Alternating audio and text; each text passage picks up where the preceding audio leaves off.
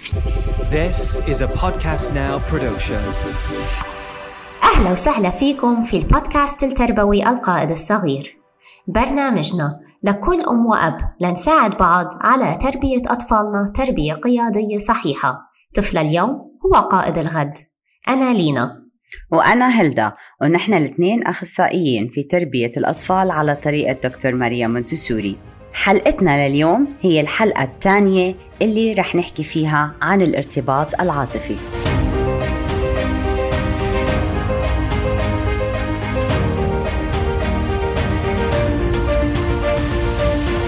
هلدا شو رأيك نبلش الحلقة اليوم بطريقة شوي مختلفة؟ بعد ست حلقات المستمعين حبوا يتعرفوا علينا أكتر وقعدوا يسألونا مين هم أولادكم؟ يعني أنا دايما بحكي بنتي أنت دايما بتحكي أولادي. فشو رأيك بس نخبرهم بأسامي أولادنا ومين هم أولادنا؟ أكيد أكيد. هلأ صاروا أولادنا رح يكونوا كتير مشهورين.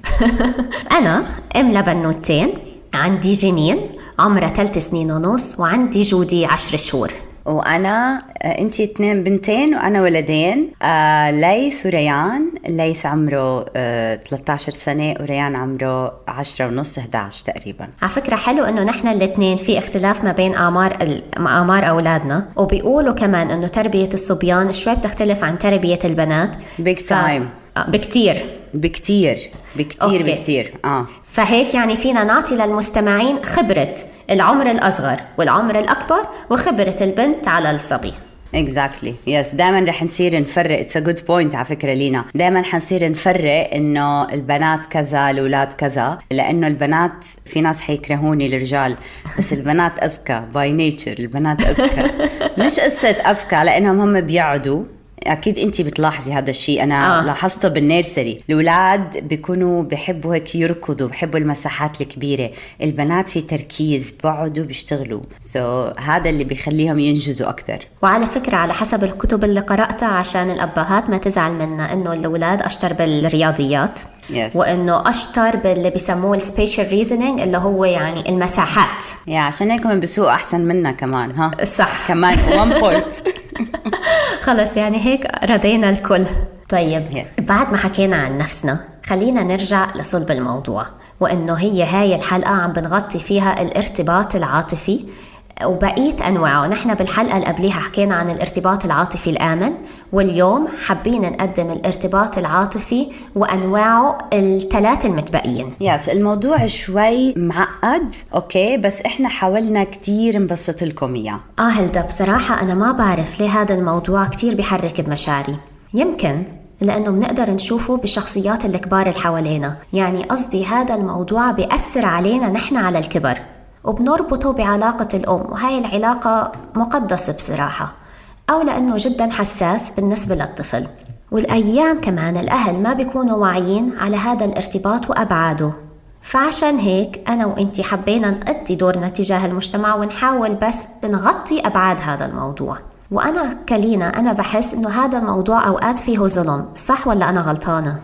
شوفي هو هو في ظلم إذا إحنا ما علمنا حالنا. okay؟ حنظلم أولادنا. هل أهلنا ظلمونا؟ في في كثير ناس صح أهلهم ظلموهم بس هل كانوا يعرفوا؟ هل المعلومات available بالطريقة اللي بين إيدينا وعلى اليوتيوب وعلى جوجل؟ okay؟ so, الموضوع إنه يفضل إنه إحنا نطور حالنا لنتفادى نوقع بهاي الأغلاط ولنتفادى نأذي أعز ناس على قلبنا. صح مية بالمية. وموضوع الارتباط العاطفي بحسه هيك يعني كله متصل ببعضه متصل بالأمل متصل بحب الذات متصل بحب الآخرين متصل بحب العالم. فإذا الارتباط العاطفي تهز مثل الدومينو كل الأشياء اللي مرتبطة فيه حتتهز. فمثلا أنا قرأت مرة بكتاب إنه اللي ما بيحب ذاته ما بيقدر يحب أي حدا في حياته. وهاي الجملة قرأتها هيك خمس مرات لأنها بتذكر صدمتني ولأني متذكراها ليومنا هذا هذا بدل على أنه قديش جملة هيك كان لها تأثير علي. معقول إذا أنا ما بحب ذاتي مش هقدر أحب أي حدا بحياتي؟ طب ما أنا بحب أهلي بحب جوزي.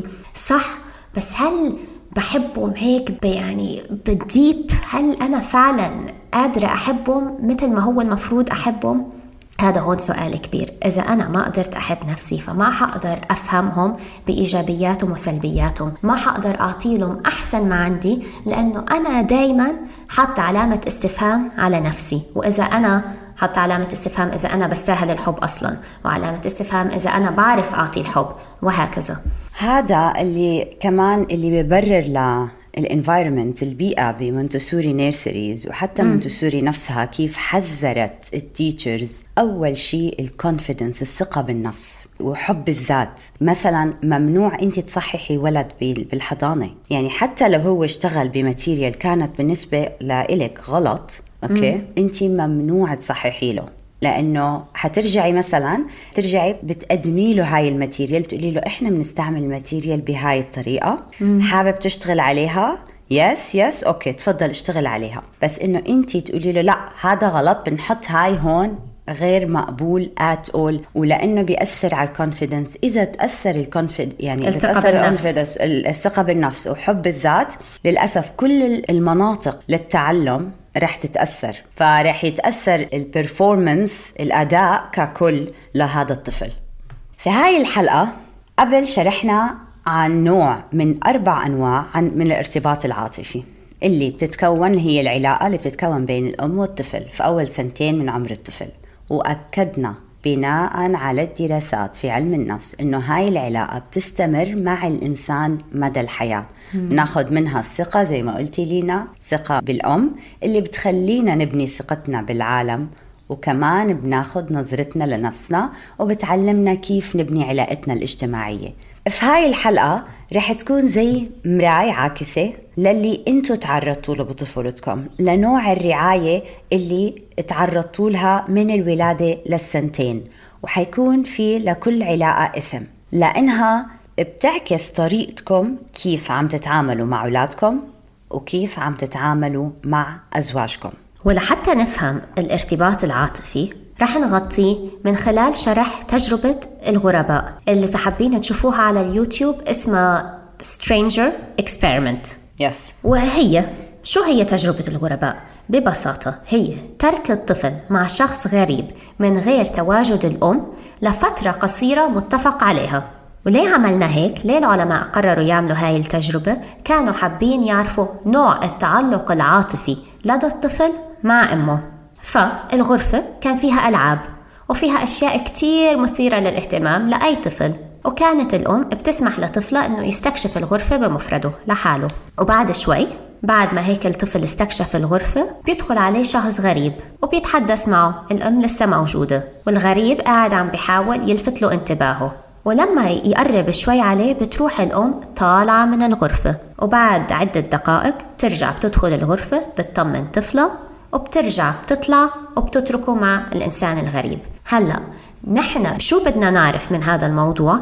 بدنا نعرف إنه بعد كام دقيقة لما الغريب بيترك خلص ترك الغريب راح يرجع يدخل على الطفل وبترجع الأم. هون هو اللي نحن هون أهم إشي بالتجربة هاي. الأم بتسلم على طفلها. كيف حيستقبل الطفل أمه؟ هو اللي حيحكي لنا عن نوع العلاقة العاطفية. ولما الطفل يترك مع غريب لحاله بالغرفة هل حيستكشف الغرفة أو هل حيقضيها مثلا بالبكاء وعدم الاستكشاف؟ هذا هون اللي قدر يخبر العلماء نوع تعلق الطفل بوالدته. والأطفال اللي كانوا بهاي التجربة كانوا من عمر السنة لسنة ونص وكمان خلتهم للعلماء خلتها يكون واضحة بالنسبة لهم قد إيه العلاقة مع الأم بتأثر الطفل هل حيكتشف العالم هل حيكون في عنده ثقة أو كيف ردة فعله لما الأم تترك. وعشان نذكركم بالحلقة اللي حكينا فيها عن الارتباط العاطفي الآمن خلينا هيك نشرح لكم ببساطة شو صار مع الطفل وهاي التجربة بالارتباط العاطفي الآمن.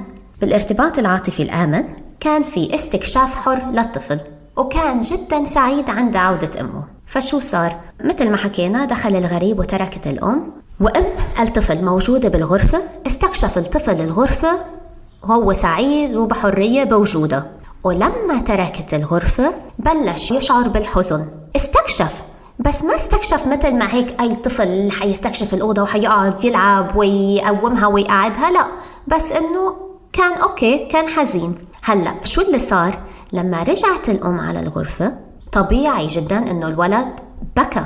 كان حزين يعني بكى. ليه؟ لأنه هو كان متعلق بهذا الشخص. اشتاق له هو متعود على وجوده. اشتاق له وراح رافع إيديه وكان نفسه إنه أمه تحمله. وأول ما حملته وغمرته وضمته هديت نفسيته وهديت أعصابه وشعر بالارتياح. وأول ما قعدت جنبه ورجعت حطته على الأرض رجع لعب ولا كأنه أي إشي صار. وبتعرفي هلدأ أنا هون شو تذكرت؟ تذكرت أول يوم بعت في بنتي على الحضانة. وكان قلبي عم بيوجعني وبتذكر إني حكيتك وقتها وقلت لك هلدأ قلبي عم بيتقطع وبنتي وبكاء وصريخ. وحتى لما رجعت أجيبها كانت قاعدة عم تبكي. هي قد كان يومها تعيس. وقتها انت هديتي لي أعصابي قلتي لي إنه طبيعي هذا الإشي يصير. هي صار لها ثلاث سنين من حياتها معكي. وإنه بالعكس افرحي إنه هي عم تستقبلك بالدموع معناته إنه هي مشتاقة لك. هذا secure attachment لينا. هذا ارتباط عاطفي آمن.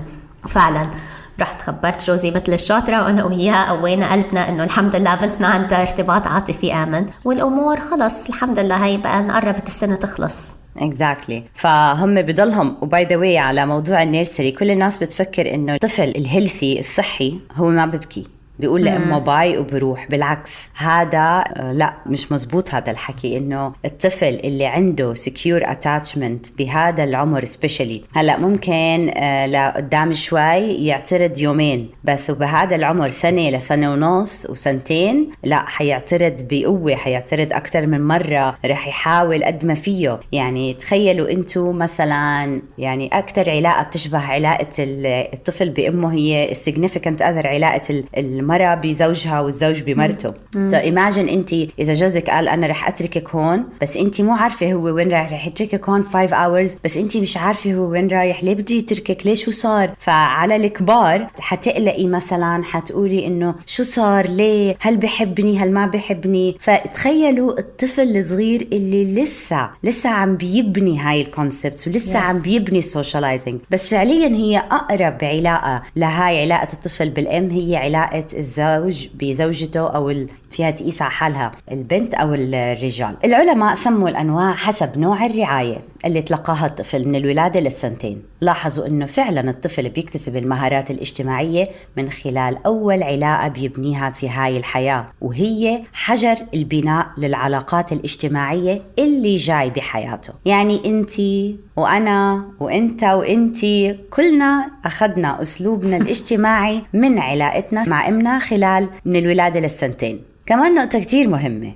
مع تعلمنا وتطورنا في فهم الارتباط العاطفي بيساعدنا نتبنى أسلوب رعاية جديد. مثلا حتى لو للأسف يعني في بعض منا تعرض لأساليب صارمة أو عنيفة وقفيها وقولي بكفي okay أنا تعرضت له أنا ما حبيتها أنا ما استمتعت فيها أنا ما كانت طفولتي مريحة. فوقفيها لأنها هي ممكن تأثر على حياة طفلك زي ما أثرت عليكي. so وقفيها وقولي أنا رح أعطي غير لأني أنا بآمن إني بقدر أعطي أحسن. وتذكروا الموضوع مو سهل موضوع التغيير لما نكون كبار هو مو سهل لأنه اكتسبناه وإحنا بالعقل اللاواعي لهيك إذا كنت ممن تعرضوا لأساليب عنف وطفولة صارمة رح يكون عندك ردات فعل سريعة وعنيفة أوقات. أو بالمقابل يعني بكون extremes ما بتكون العلاقة متوازنة. بيكون شخصية ضعيفة وما بتقدر تواجه المشاكل أو الناس. فإحنا بال attachment بالعلاقة الآمنة أوكي رح يكون الشخص متوازن. بيعرف إمتى يعصب وبيعرف إمتى يواجه يحب. أو يحب. ف... فللأسف اللي بتعرضوا للعنف ما بيكونوا متوازنين أو بيكونوا كتير عنيفين أو بيكونوا كتير شخصيتهم ضعيفة. وهذا الكلام بذكرني بإشي درسته وأنا عم بعمل شهادتي بالمونتسوري. طلبوا منا كلنا قراءة كتاب اسمه Parenting from the Inside Out. وهذا الكتاب كتير اتشهر ليه؟ لأنه بيعالج اللي هم بيسموه المصطلح ال inner child بيعالج الطفل اللي جواتك. شو معناته؟ ويعني ونحن عم نقرأ الكتاب بيقولنا الكاتب إنه عشان تقدري تتعاملي مع أطفالك بأسلوب صحي وأسلوب ما فيه تعنيف أو ما فيه تعصيب لازم أنت ترجعي تتذكري طفولتك وتفهمي أنا ليه عصبت على ابني بالموقف هذا؟ بمعظم الأوقات لما تعملي هذا ال exercise حتعرفي إنه actually الموضوع ما بيستاهل التعصيب بس أنا عصبت لأنه لما أنا كنت أعمل هيك كطفله كان يتعصب علي.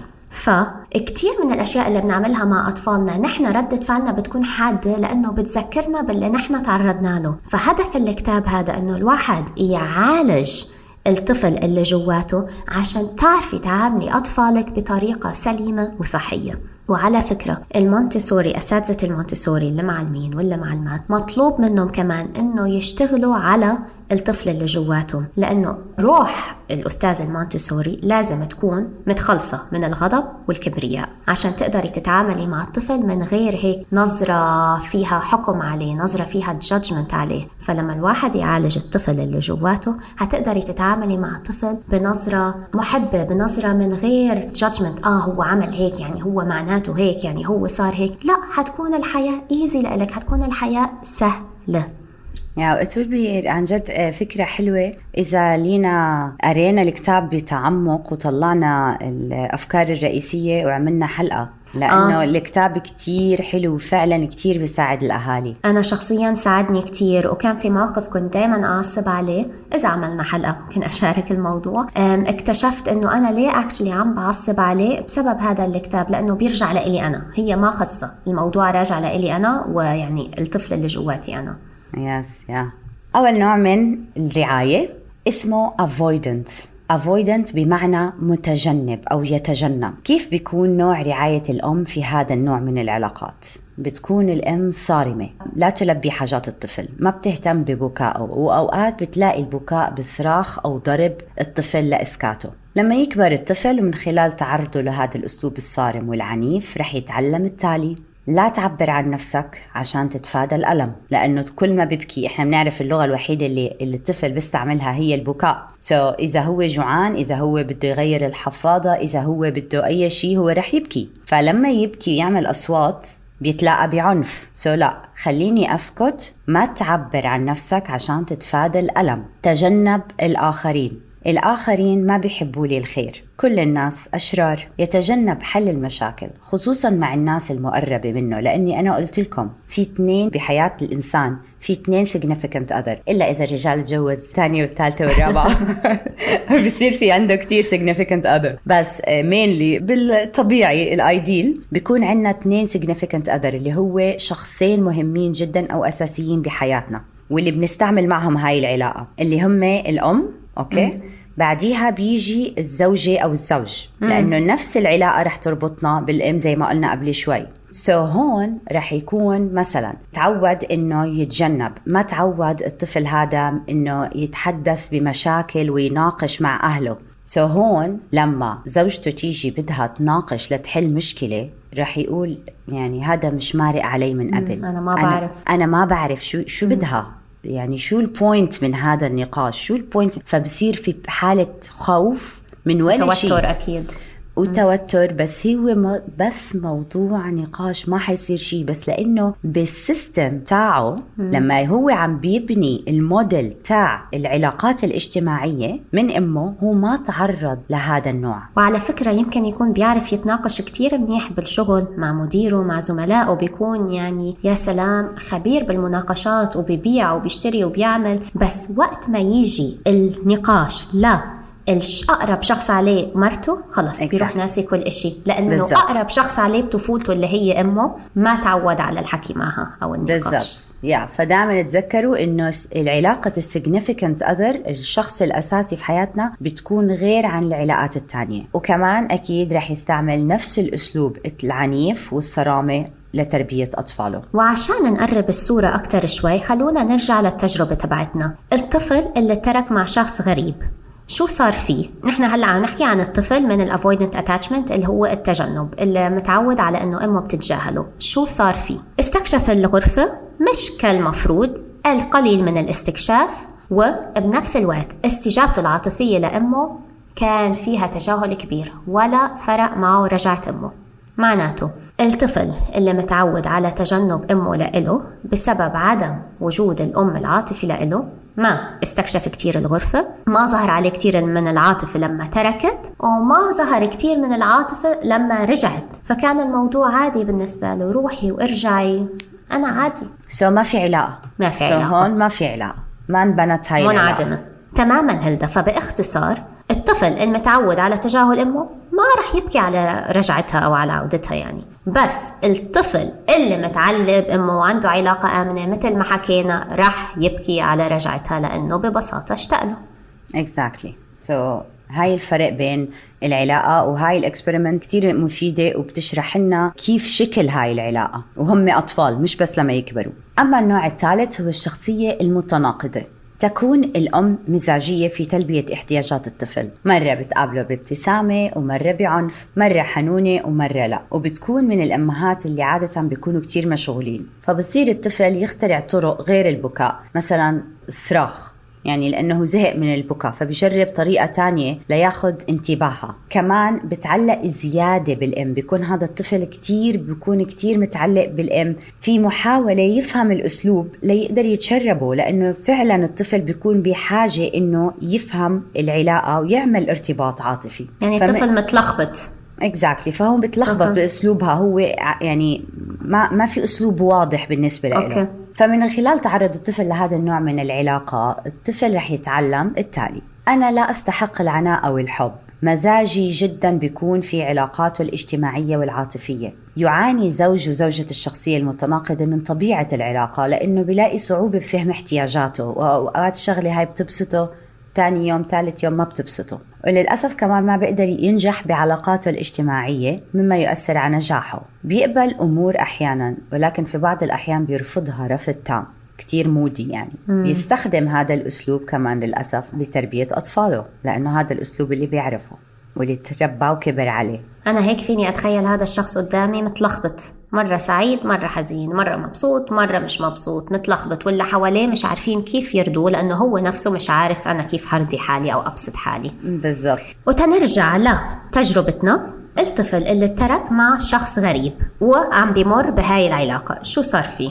ما استكشف الغرفة بالطريقة الواجبة. كان كتير قلقان من الانفصال. ولما رجعت أمه استقبلها بطريقة هيك بطريقة مش مفهومة. طفلنا هون عن جد بيشعر بالحزن لما أمه تترك الغرفة ولما بترجع بيكون هيك مغمور بأحاسيس متناقضة. وعلى الرغم من إنه بده يرجع يتقرب عليها بس هو كمان زعلان وغضبان منها فهو مش عارف كيف يعبر لها. أنا اشتقت لك ولا أنا غضبان منك؟ فإمه نفسه ما بتكون فاهمة عليه وهو نفسه مش عارف يعبر عن نفسه لإمه. فهذا الطفل كمان عم بيكون عم بيرفض محاولات والدته للتواصل معه. وطفلنا هون غير الطفل المتجنب. الطفل المتجنب المتعود على التجاهل ما فرق معه ترك إمه فما بكي على فراقها الطفل هون ممكن يبكي على فراق إمه لأنه هو اكشلي زعلان ومتضايق. أما النوع الأخير من العلاقات هو نادر الوجود في الأطفال اللي بيعيشوا مع عائلة من أم وأب وبيكتر في أطفال اللي بيعيشوا بدار الأيتام. اسمها العلاقة الغير منتظمة disorganized attachment. فهاي العلاقة الطفل بتعرض لأكثر من شخص أساسي ليلبي احتياجاته وهذا بيؤدي إنه الطفل يتشتت في بناء أساسيات العلاقة فبالتالي ما بيقدر الطفل يبني مفهوم العلاقات الاجتماعية. فبعض الأطفال بيصيروا يقعدوا لحالهم كتير وبيحسوا إنهم ما بيستحقوا الحب وبتكون نظرتهم لأنفسهم كتير سلبية كتير سلبية. كمان في بعض الحالات بصير عندها خوف كبير وهلع يعني عشان كلمة تكون كبيرة مم. هلع في حال تعرضوا لناس جدد أو زاروا أماكن جديدة. هلدا وإنتي عم تحكي خطر لي فكرة. ودايما تخطر لي على فكرة لما أقعد هيك بساحة الملعب مع بنتي وبقعد أراقب الأطفال وأراقب كيف عم بيلعبوا أو أراقب مين الشخص الأساسي اللي معهم. وهي إنه الأطفال اللي بيتعرضوا لأكثر من nanny وحدة أكيد حيوقعوا بال category of disorganized attachment. العلاقة الغير منتظمة تماما. okay هلأ إحنا بدي أسألك سؤال. عرفنا إنه كل حدا عم ياخذ style أهله لأنه بيروح على العقل اللاواعي وعم يستعمله مع أولاده. يا ترى ال nanny خلينا نفترض إنها واحدة هاي ال nanny شو style ها بالترباية؟ ما بنعرف. والله أعلم لأنه كل ممكن. واحد فينا عنده حمله وعنده شنطته. Exactly. بالضبط بالضبط. وهل حتقدر هي تختار الطريقة الصح هل حيكون عندها الحنية؟ لما تعصب شو ال reaction تاعها فهذا كله إحنا ما بنعرفه وهذا جدا مهم. ومن الشروط هاي العلاقة؟ إنها تتم بطريقة آمنة إنه الطفل يكون مع شخص واحد أساسي ليقدر يبنيها. وعشان هيك هذا كمان بيأكد أهمية الروتين في حياة الطفل اللي حكيناه بكتير حلقات من قبل إنه الطفل محتاج روتين بوجود الشخص الأساسي اللي بيهتم فيه يكون نفس الشخص كل مرة. إذا كانت nanny فنفس ال nanny at least لثلاث سنين مثل ما حكينا من قبل مش تفضل تتغير أو نفس أي شخص تاني وروتين بجدول حياته اليومي. okay وبدي أقول نقطة كتير مهمة لينا. إنه العلاقه اللي غير منتظمة هي نادرة إنها تكون موجودة يعني بالعائلات. خلونا نرجع لدكتورة مريم مونتسوري وهي شو حكت بهذا الموضوع. عشان نعرف اللي حكته حنرجع اللي هي كانت تنفذه بحياتها بال casa بال nursery اللي هي فتحتها. كانت ما تقبل تستقبل أطفال دون العمر السنتين ونص. ليش؟ لأنه على السنتين ونص بيكون كون الطفل الارتباط العاطفي مع والدته فبتكون حياته سلسة وأسهل بكتير. وكمان للي بحب يطور من هاي العلاقة وبحب يفيد أطفاله يفيد طفله بأنه كيف يحب حاله وكيف يعبر عن مشاعره. في كتاب اسمه الخمس لغات بالحب كتير حلو وكتير بيساعد الأمهات ليقدروا يستعملوا آه، هاي الخمس لغات في علاقتهم مع أولادهم مو بس كمان أولادهم مع أزواجهم كمان. نحن كلنا يا كبار ما في حدا فينا ما بيحب الحب والحنان. يا هل أنت بتحبي الحب والحنان؟ كتير. وبقدره كمان. وبقدره. أي حدا بيعطيني حب أي حدا بيعطيني حنان سيريسلي عن جد أنا بقدره وبحترمه. آه أنا الوردة كتير بحبها ما بعرف في إشي هيك بالورد لغة الحب لغة الورد كتير حلوة. فيعني ما في إنسان فينا ما بيحب الحب ما بيحب العاطفة ما في إنسان فينا بده يعيش بنكد وصرامة وجدية. وعلى قولة عبد الحليم ضحك ولعب وجد وحب. بالضبط. طفل اليوم هو قائد الغد. وبنستناكم بالحلقة الجاي. باي. مع السلامة.